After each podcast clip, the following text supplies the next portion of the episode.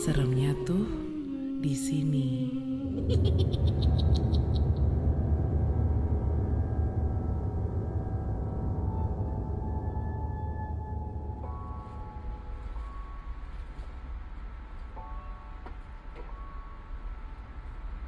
Nama gue Galih.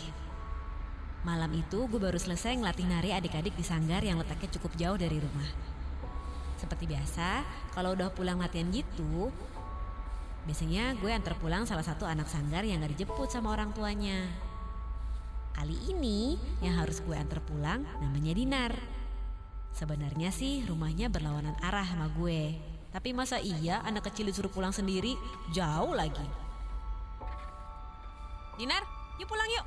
Ntar kemalaman loh. Iya kakak, ayo. Oh iya, nanti biar cepat sampai rumah kamu, kakak lewat jalan motong ya. Kalau sepi jangan takut, pegangan aja yang kenceng sama kakak. Iya kak Gali. Dinar, nanti di depan ada rel kereta api loh. Pegangan yang kenceng ya.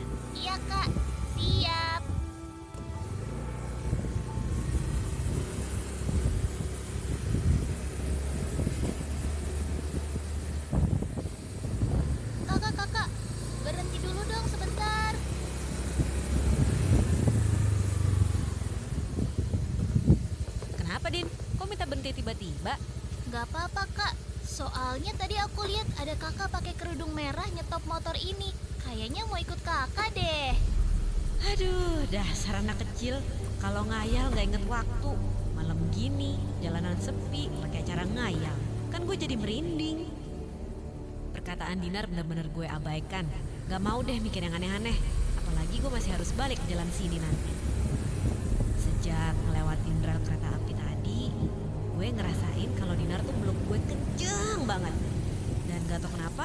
gue juga berasa berat banget bawa nih motor. Kayak ada dua orang yang gue bonceng. Tapi ya udahlah, mungkin karena gue juga capek.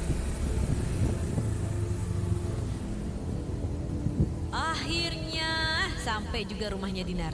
Selesai pamitan sama orang tuanya Dinar, Kak Gali, pulangnya jangan lewatin rel tadi ya. Kakak kerudung merah tadi jahat.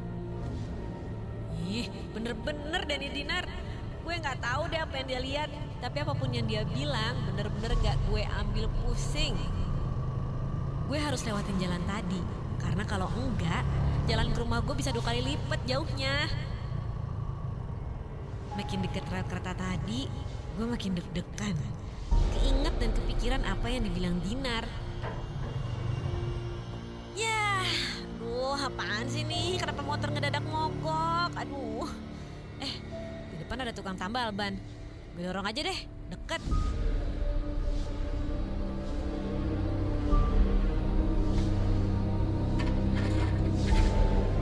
Heh, malam pak. Motor saya tiba-tiba mogok nih.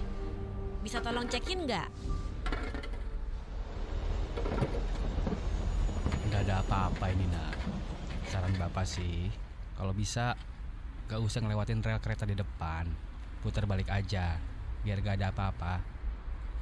Loh, tapi kan rel keretanya udah lama nggak dipakai pak. Iya nak, tapi usahakan jangan lewat ya.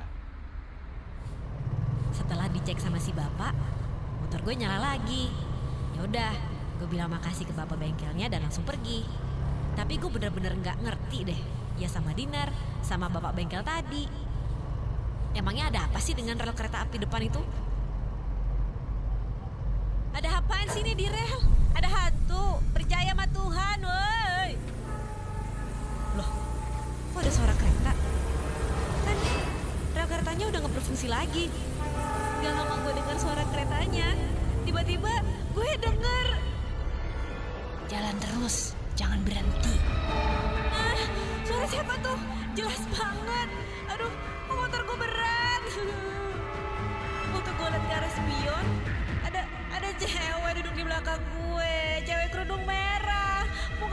Lanjut, mulutnya penuh darah. Jalan terus, jangan berhenti. Waktu motor gue di tengah rem, motor gue tiba-tiba mati. Dan ada kereta kenceng ke arah gue.